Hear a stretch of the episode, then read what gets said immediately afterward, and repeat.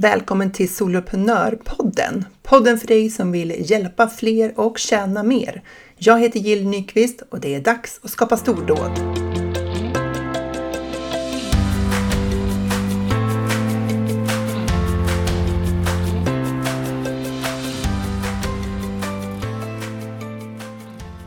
Så, jag har funderat lite grann över olika affärsmodeller eh, online och det är för att jag har intervjuat två spännande gäster. Jag ska berätta lite senare vilka det är.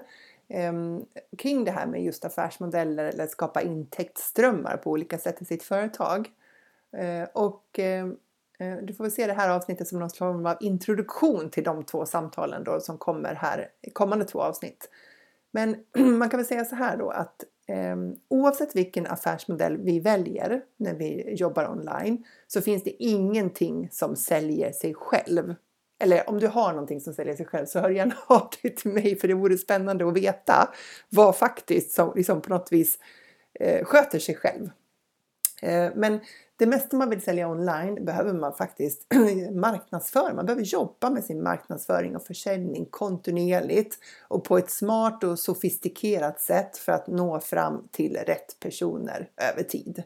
Så, så att eh, det leder ju tanken, tänker jag, då lite osökt in på det här begreppet passiv inkomst. Och eh, eh, jag, jag, googlade faktiskt det för jag tänkte så här, vad är kanske en definition på det? Och då kom det upp så här. En passiv inkomst är precis vad det låter som. En inkomst som dyker upp på ditt konto varje månad utan att du behöver göra något speciellt. Inkomsten kan komma från ett arbete du gjort tidigare, exempelvis utvecklingen av en produkt, eller som avkastning från ett spar eller ISK-konto, så stod det. Det kanske finns fler definitioner på det där också.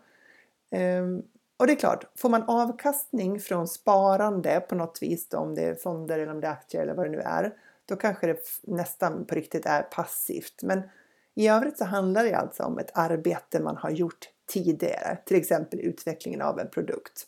Och i, i vårt fall så skulle det faktiskt kunna vara då utvecklingen av en webbkurs eller en medlemstjänst eller sådär.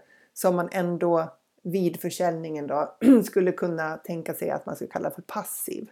Men det skaver ju lite grann det där. För att den där idén om entreprenörskapet när man ligger på en söderhavsö i hängmattan och pengarna bara strömmar in när man sover. Jag vet inte, jag har inte träffat på någon som har det så. Utan de entreprenörer jag träffar, och det är ju ändå rätt så många, de får ju liksom jobba rätt hårt med försäljning och marknadsföring för att sälja sina grejer. Så att inte vet jag om de tycker att det är så himla passivt. Och för egen del så tycker jag inte alls att det är passivt. Alltså en passiv inkomst att jobba online. Även om det är så att jag har skapat webbkurs eller medlemstjänst och sålt den om och om igen. Och det beror ju på att själva försäljningen i sig kräver sitt arbete. Så Eh, passiv inkomst är intressant eh, men det är ingenting som jag direkt känner att jag har uppnått sådär. Har du något bra exempel på en riktigt passiv inkomst som du har så får du gärna höra av dig och berätta, det vore spännande att höra. Det jag istället brukar fokusera på det är det här med skalbarhet. Att vi ska jobba på ett skalbart sätt. Och vad är det då? Ja, men jag tänker att det handlar om att kostnaderna, kostnaderna inte ökar i samma takt som intäkterna. Alltså att vi kan hålla nere kostnaderna och ändå öka intäkterna. Mm. Och sen också att våra insatser, alltså dina insatser ökar inte heller i samma takt som din leverans ökar. Så att du behöver inte jobba hårdare för att du får mer eh, människor att leverera till. Och slår man upp skalbar affärsmodell så står det så här. En skalbar affärsmodell tillåter att företaget kan växa med bibehållen vinst. Och det är det det handlar om, just det här med kostnader eh, versus intäkter då. För att ska man få en bibehållen vinst så innebär det att eh, kostnaderna kan inte öka i samma takt som intäkterna för då kanske kostnaden till slut äter upp vinsten och då är det inte så skalbart. Eh, och så står det också generellt innebär det att priset på ingående komponenter sjunker ju fler som tillverkas eller att samma tjänst kan säljas ett närmast oändligt antal gånger utan att lönekostnaderna som äter upp hela tjänsten. Och där har vi någonting intressant, eller hur? För att eh, om du jobbar online Och vi kommer in på det sen. Liksom. Vi säger att du, eh, du säljer en webbkurs eller du säljer en medlemstjänst. Så Eh, är det så att om 10 personer går din webbkurs eller om 100 personer gör det så innebär inte själva produktionen av webbkursen att det gör någon skillnad för dig. Och samma sak också med medlemstjänst. Om du eh, håller en workshop till dina medlemmar och det är 10 medlemmar eller om det är 100 medlemmar så eh, blir det inte 10 gånger mer jobb för dig. Och det är ju väldigt skalbart.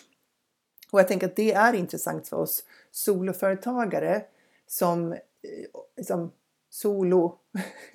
Vi jobbar ju ensamma med väldigt många hattar. Kan ju få nackspärr för mindre. Och då gäller det ju att man har en smart affärsmodell som är skalbar för att man ska kunna öka sina intäkter på ett vettigt och hållbart sätt i företaget. Eh, och det kommer du få exempel på de här kommande två samtalen kring entreprenörer som faktiskt eh, har eh, hittat ett skalbart sätt på det viset. Så eh, om det är skalbart, vad är oskalbart då? Jag vet inte om det finns ett ord som heter så, men alltså när det inte är skalbart. Och då tänker jag att det bland annat då är sånt som begränsas av till exempel tid. Om du tjänar pengar på sånt som kräver din insats där och då, alltså du måste vara närvarande, som till exempel eh, coachningar en till en. Eh, eller att du säljer konsulttimmar och tar betalt liksom timme för timme. Att du byter tid mot pengar. Då är ju det oskalbart. För att även om du skulle jobba dygnet runt, eh, vilket vi inte kan då, men om även om man skulle göra det då, så, så har ju dygnet bara 24 timmar. Så att det finns ju ett naturligt tak som ju går helst då långt under 24 timmar. Ett naturligt tak för hur mycket pengar du kan tjäna. Det är klart att du kan höja priset för samma sak, men någonstans har det också ett tak. Eh, så det är, liksom, det, är det här med att, vara, att arbeta oskalbart eller i en oskalbar affärsmodell. Och det behöver inte vara fel. Jag tänker att det är många som startar företag för att hålla en och en coachningar eller sälja konsulttimmar. Så det handlar ju bara om hur man har tänkt sig att driva sitt företag.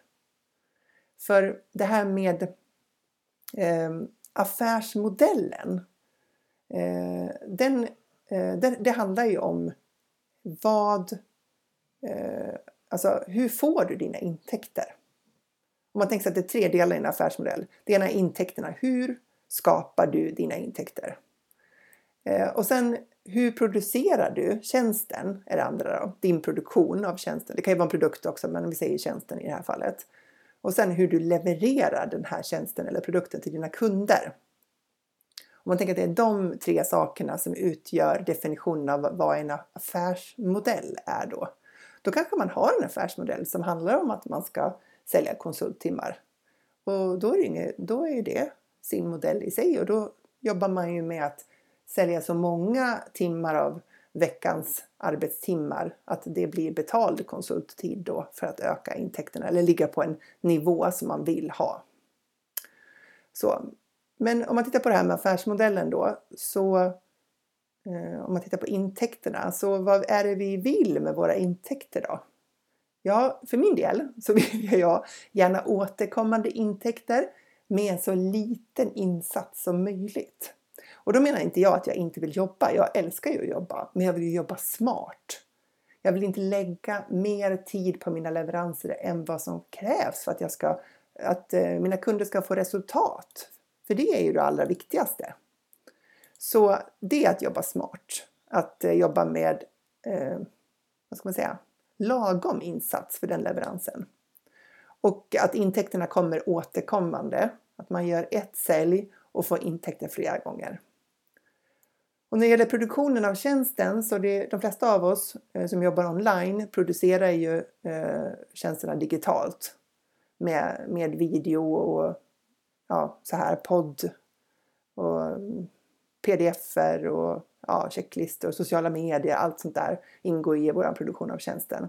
Och leveransen av tjänsten till kunden det kanske är genom e-post, det kanske är kursportal, det är Facebook, det är Zoom och olika program som vi använder för att liksom ta tjänsten till kunden för att hjälpa dem att få resultat.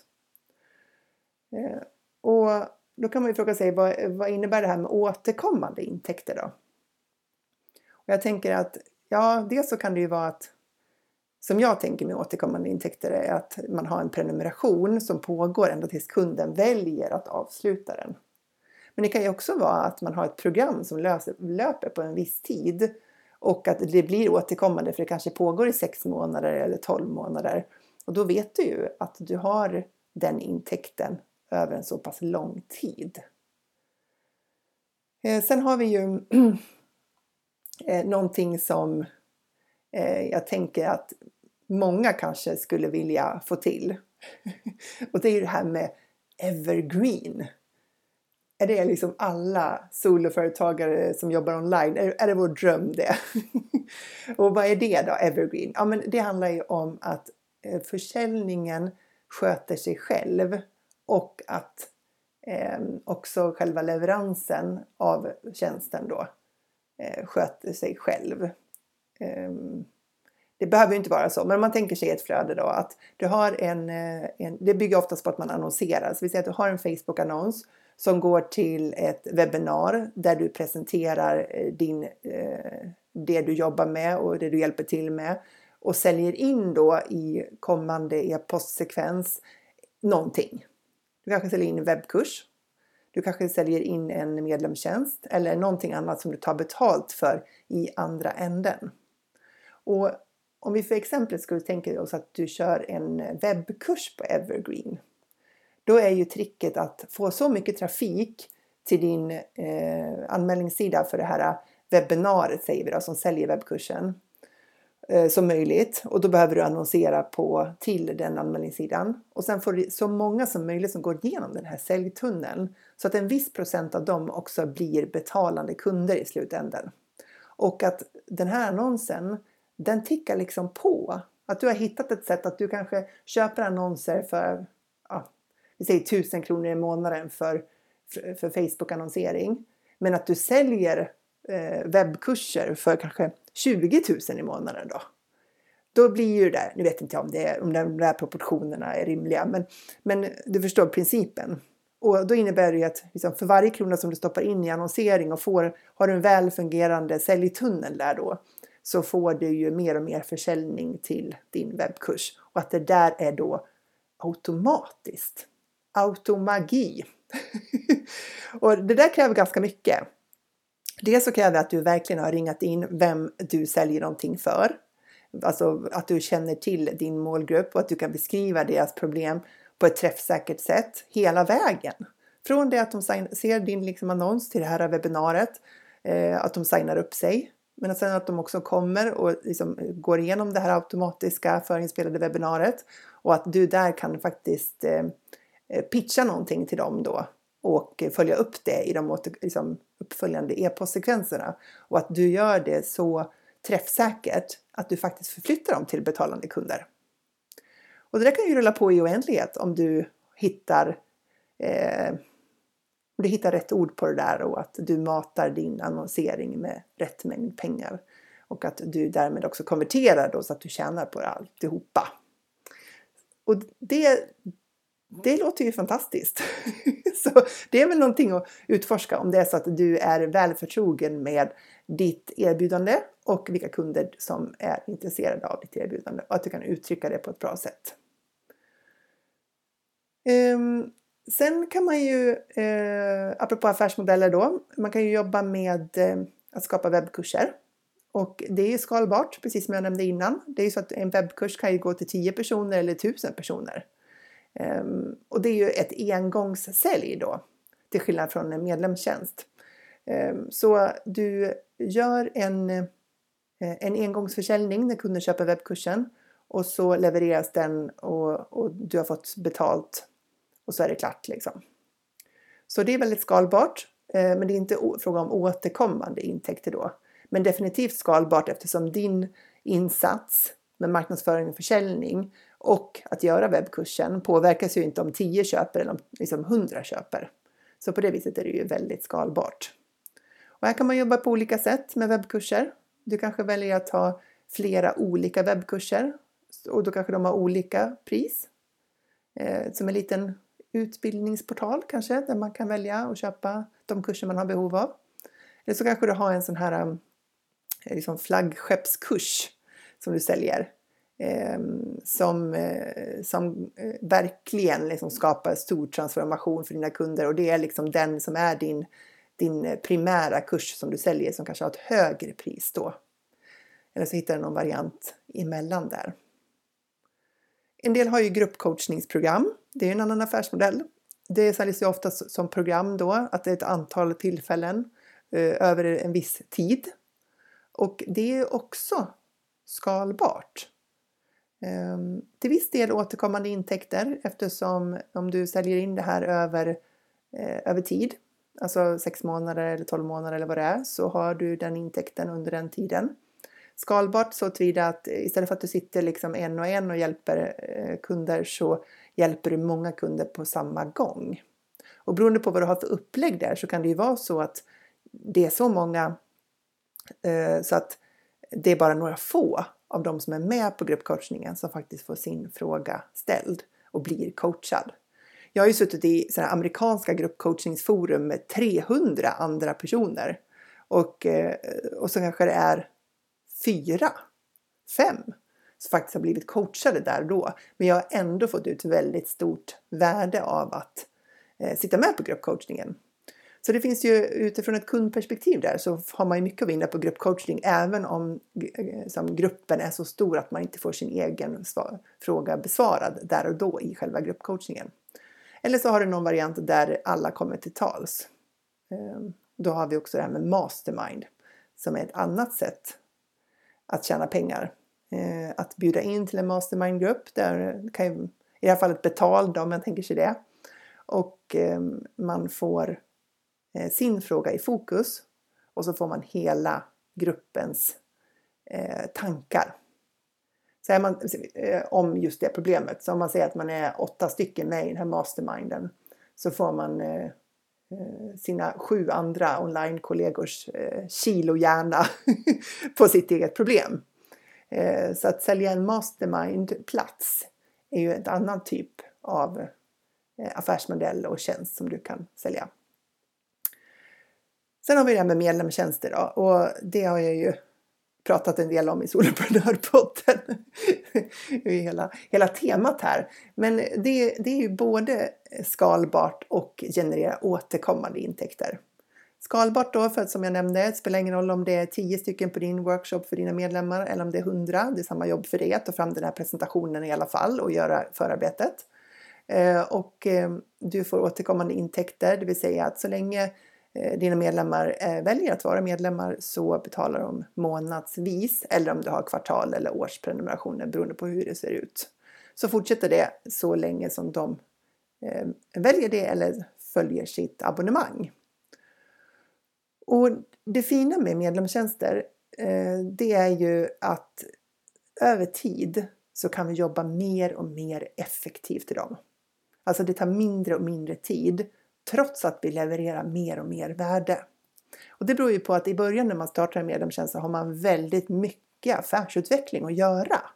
Alltså du ska sätta struktur i din medlemstjänst, du ska paketera den och liksom få fram ditt oemotståndliga erbjudande så att du kan kommunicera och sälja in den.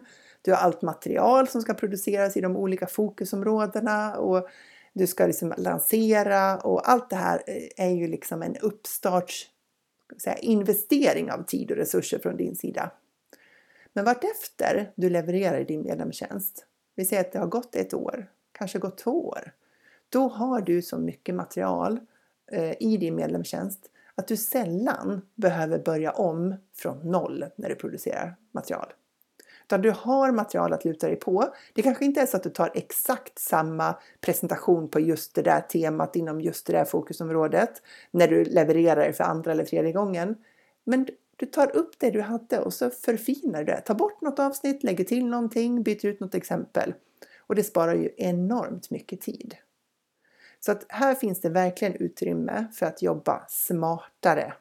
Men utan eh, att det sker på bekostnad av kundens transformation eller kundens värde som den upplever. Utan tvärtom så blir du säkrare och säkrare i hur du ska leverera din kunskap på ett sätt som dina medlemmar kan ta emot. För att du Du vet vad, vad du behöver säga för att de ska förstå. Du, du känner till vart de kör fast, vad, vad, man, vad man ofta liksom kör fast på. Och du skapar material som lite grann parerar för det. Så du blir helt enkelt skickligare och skickligare på att leverera innehållet i din medlemstjänst. Vilket gör att det tar mindre och mindre tid eh, trots att du levererar ett högre värde och får fler medlemmar och därmed också högre intäkter. En annan affärsmodell kan ju vara att du säljer betalda eh, webbinar eller föreläsningar. Eh, och de kanske oftast har ett lägre styckepris. Så, då säljer du också en och en. Eh, men de kanske inte kommer ner lika lågt som mitt nästa exempel. E-böcker. Jag vet inte om du försökt att sälja en e-bok någon gång i Sverige.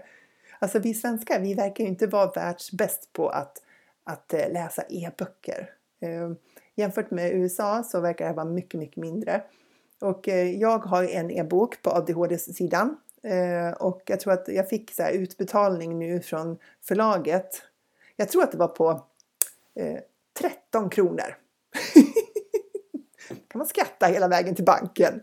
Så att det är väl inte det som jag skulle rekommendera om man ska försörja sig online, att man säljer e-böcker i Sverige. Jag tycker att det verkar väldigt svårt. Men igen, du kanske har ett exempel på det så du får jättegärna dela med dig av så fall. Om du har något så här pangexempel på någon som har sålt enorma mängder e-böcker i Sverige så vore det jätteintressant att höra.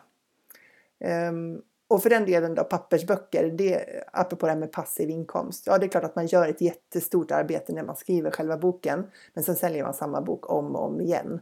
Och enligt definitionen då så skulle väl det kunna räknas som en passiv intäktsström på det viset då. Även om jag tycker att man ändå måste jobba så mycket med marknadsföring så jag är tveksam till det begreppet i vilket fall som helst. Sen då, jag har ju nämnt det vid några tillfällen nu att eh, jag har en gäst på gång och det handlar faktiskt om att sälja böcker via Amazon. Så det är ju ett helt annat sätt att eh, få en inkomstström som jag inte kände till så mycket om förrän jag intervjuade eh, Christian från inkomstmedböcker.se så att, missa inte det avsnittet. Jag ska inte gå in på det nu för han berättar mycket bättre än jag kan. Men det var, ett, det var en intressant idé. Där man kan jobba med eh, spökskrivare. För det handlar om engelska. Så att, eh, ja, jag säger inte mer om det. Lyssna på det avsnittet som kommer. Ett annat, en annan affärsmodell för att sälja saker, liksom eh, jobba online, det är att vara affiliate. Och affiliate är någon form av återförsäljare då. Och det kan man ju vara för webbkurser eller medlemsprogram eller medlemstjänster eller så. Ehm, du kan vara det för, eh, ja, för svenska entreprenörer. Jag var ju det för Maria Lofors kurs här nu som handlade om att ja, skapa sig ett mer standardiserat och effektivt arbetssätt med hjälp av ClickUp.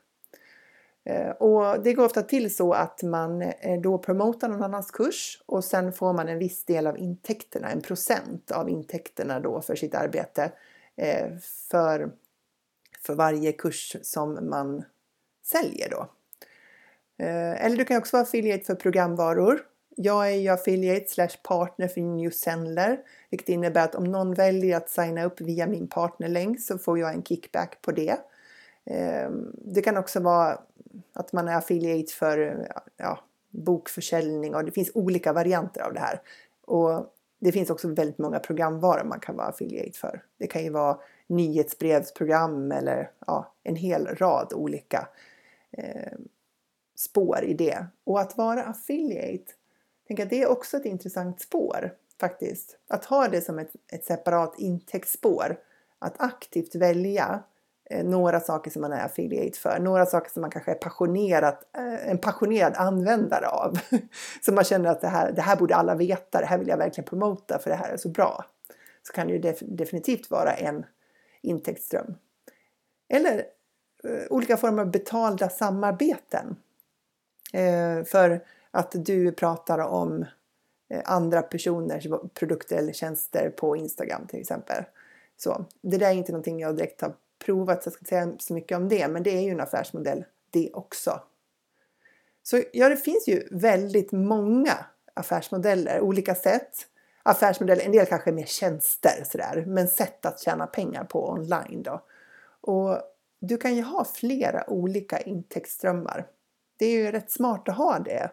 Du vet, man brukar säga att man inte ska lägga alla ägg i samma korg. Eh, så det kan ju vara en webbkurs och en medlemstjänst eller en medlemstjänst och viss coachning en en eller en medlemstjänst och något gruppprogram som du har, tidsbegränsat kanske. Eh, eller så kanske du säljer eh, konsulttjänster eller någonting. Eh, för att du, du, du kan ju liksom tillhandahålla tjänster på många olika sätt. Alltså du kan ju göra saker åt din kund, det vill säga att du skapar åt dem och levererar någonting. Som att bygga en webbplats eller en hel säljtunnel eller deras närvaro i sociala medier. Då gör du det ju liksom åt dem. Eller också kanske du ska göra någonting med din kund. Att ni samskapar och att du på något vis coachar kunden till att bygga upp vad det nu är de ska skapa för någonting. Eh, eller så kan du ju lära ut till andra, alltså man får lära liksom sig det du kan. Och det är det vi har pratat om i, som kanske är webbkurser och medlemstjänst och sådär. Eller så kanske du har en VIP-dag som handlar om ett helt mycket högre pris. Som kanske är väldigt exklusivt, liksom fullt fokus eh, från dig till din kund. Så att det finns ju olika nivåer av hur vi, ja, på, på vilket sätt då som vi hjälper våra kunder att få resultat. Du kanske är jätteduktig på att paketera det här. Du har satt ihop ett antal leveranser där det, som liksom sammantaget ger din kund ett riktigt bra resultat. Det kanske är en kombination av en medlemstjänst och extra coachning kanske. Eller coachning och en webbkurs eller någonting sånt där som, som gör att din, din kund kommer framåt snabbare. Och eh, Du kan jobba i Ehm, i en och samma nisch och erbjuda olika eh, affärsmodeller, olika tjänster inom den nischen. Ehm, jag jobbar ju två helt olika nischer, kanske gör du det också. Men när man jobbar i helt olika nischer då blir det genast mer tidskrävande. Alltså det är fullt görbart, jag har gjort det i flera år nu men, men det, det tar ju mer kraft för man gör allting dubbelt och det, det är både bra och dåligt. jag kan se en stor fördel med det för att jag lär mig väldigt snabbt att få uppleva många saker, liksom erfara många saker och så. Men eh, som sagt, det är ju också krävande. Så om, om det här med tjänster och affärsmodeller intresserar dig också så då ska du ju lyssna på de här två kommande avsnitten. För att eh, ett handlar ju då alltså om att sälja böcker via Amazon och genom att använda spökskrivare. Och vet du inte vad det är så kommer du att få reda på det i avsnittet. Jag ställer eh, massor av frågor till Christian Öberg från Inkomst med böcker. För att jag kunde ju ingenting om det där. så jag har frågat allt. Eh, och det andra så pratar jag då affärsmodeller och tjänster med yogaläraren och entreprenören Angelica Henriksson. Så båda de här två samtalen är riktigt intressanta och givande, så missa inte dem framåt. Eh, för din framgång är ju oundviklig. För varför skulle du någonsin tänka någonting annat? Eh, och du har faktiskt oändliga möjligheter till stordåd.